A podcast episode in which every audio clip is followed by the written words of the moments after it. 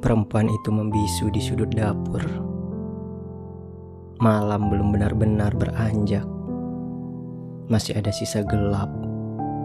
Serupa kabut hitam tipis. Terlihat jelas dari lubang angin yang telah keropos. Di langit, bintang-bintang merapuh menjelang subuh. Sesabit bulan pun pucat berayun timbul tenggelam di antara gugusan awan. Kompor padam, api tak menyala lagi. Perempuan itu bergumam sendiri dalam dingin dan ngilu pagi.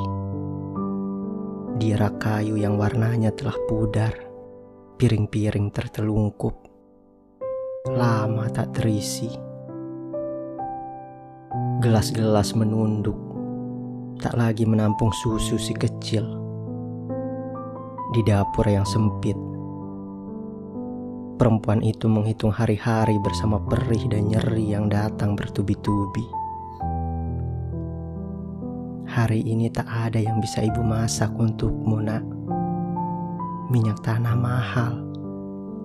Harga kebutuhan pokok melonjak di luar hitungan. Ibumu hanya buruh.